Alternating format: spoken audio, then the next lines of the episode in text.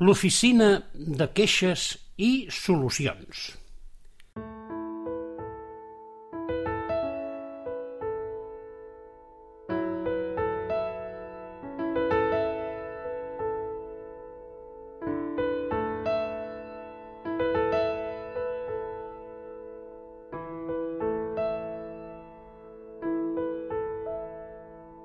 En acabar el dia, totes les mallarengues estan molt contentes perquè cada una d'elles ha pogut explicar el seu conte.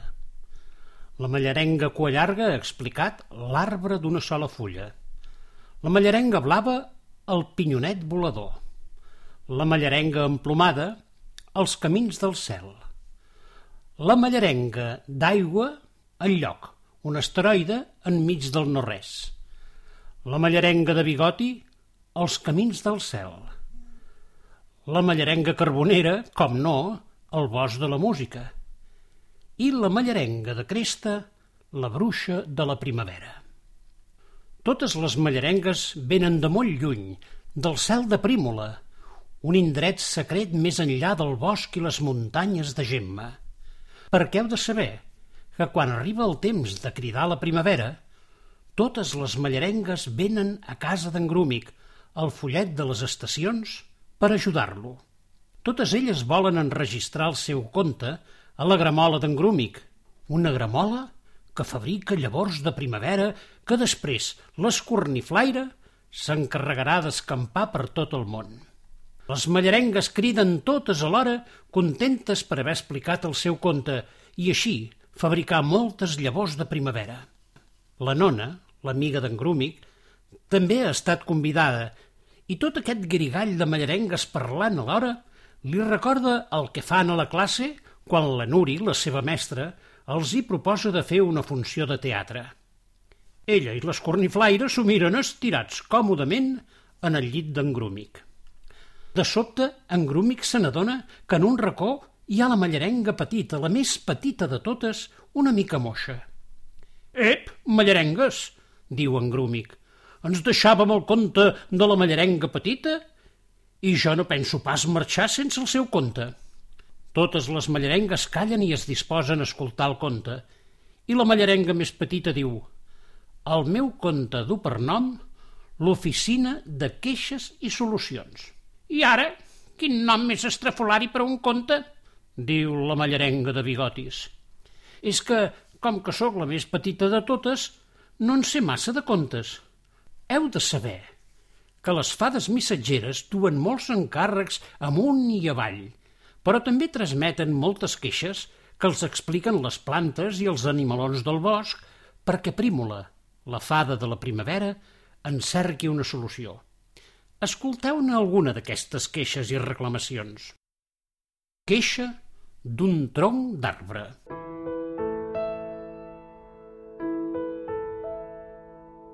Un tronc d'arbre abatut pel vent tramuntanal es queixa de la seva dissort. Què faré jo ara, pobre de mi? Abans sostenia tot un arbre. Abans m'aferrava la terra amb grosses arrels i ara tombat hauré d'esperar la meva mort definitiva. Prímola pensa una mica i troba una solució. No pateixis, tronc d'arbre. Del teu cos en sortirà una nova vida – i li donaràs aliment. I quin nom li posaràs a aquesta nova vida? El nom que he triat és de Gírgola. Així va ser com d'aquell vell tronc abatut pel vent va néixer la gírgola, que és un bolet de soca força curiós. Queixa del gremi d'erugues.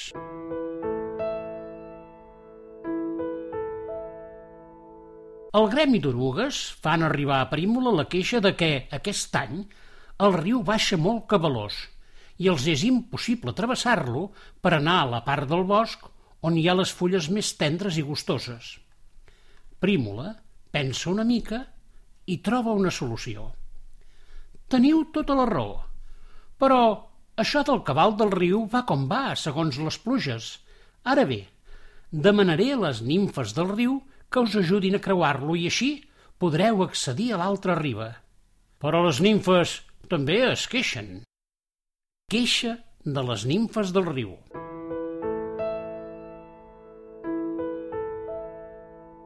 Les nimfes del riu, en saber la comanda de Prímola, es queixen de que ja tenen prou feina perquè a sobre s'hagin d'encarregar d'ajudar les orugues a travessar el riu.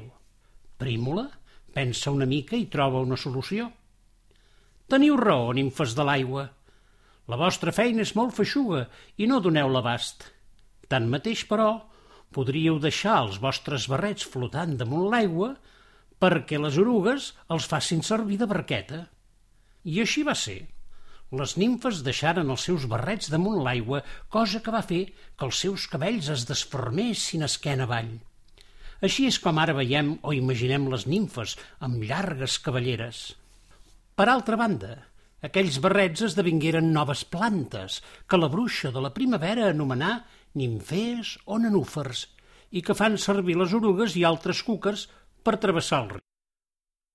Els animalons del bosc es queixen de les incursions de les bruixes perverses.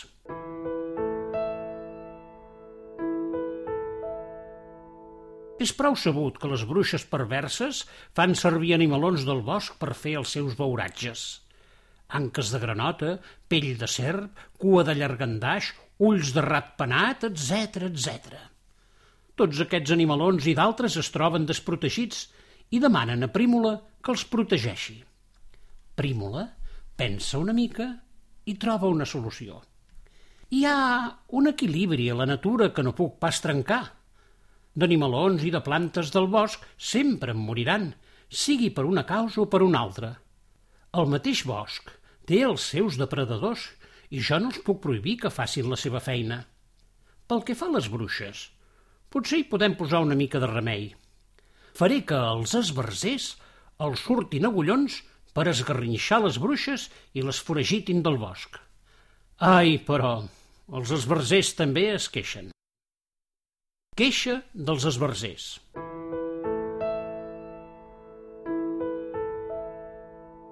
Els esbarzers, que són una mena de liana llenyosa que trena les seves branques talment com si fossin xarxes i que en aquell temps, quan tot això passava, no tenien agullons, els cau com un gerro d'aigua freda la decisió de Prímola. Prou misèria tenim a ser un trist arbús sense color i sense suc ni bruc, que ara ens vols posar agullons? Això no és just, Prímola. Prímola pensa una mica i troba una solució. Teniu bona raó i us vull compensar pel vostre sacrifici dotant-vos de flors hermoses. Trieu-ne els colors que la bruixa de la primavera us donarà una olor. Els esbarzers trien el color blanc i el color rosa, que per a ells són els colors més bonics. Els animalons també queden molt satisfets amb la solució de Prímola i tot i que les bruixes perverses segueixen fent de les seves, bon punt apareixen, els animalons s'aixopluguen sota els esbarzers. Així les bruixes perverses queden atrapades entre els agullons i en fugir surten esgarrinxades. Per això diuen que la millor manera de foragitar una mala bruixa és agitar una branca d'esbarzer. Queixa d'un grup de cuques menudes.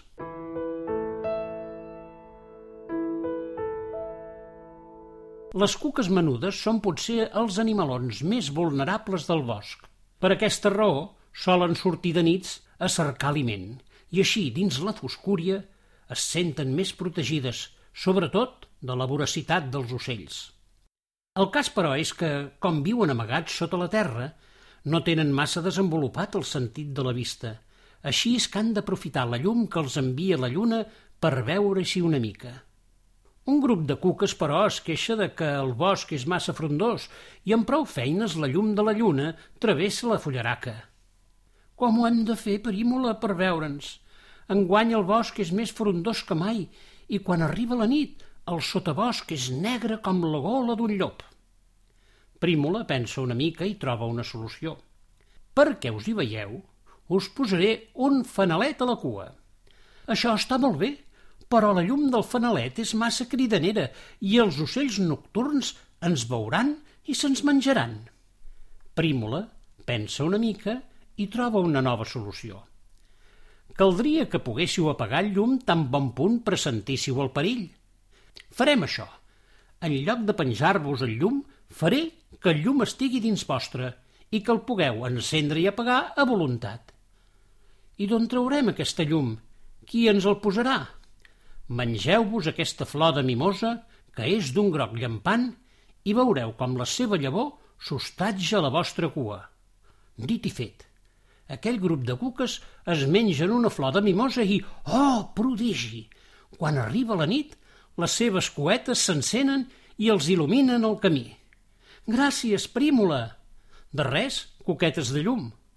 Coquetes de llum? Sempre ens havien anomenat cuques a seques, per això de coquetes de llum. Quin nom més bonic!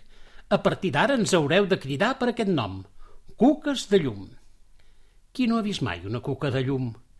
No us sembla que és un prodigi de la mare naturalesa? Hi ha tantes coses boniques a la natura i totes elles tenen una raó de ser. No en va, Prímula cerca solucions a totes les queixes que li plantegen els habitants de la primavera, que és, de totes, l'estació més ofenosa. I ja està. Vaja, que no en sé més de contes, diu la petita mallarenga. Però quan creixin aprendré un munt i us els explicaré.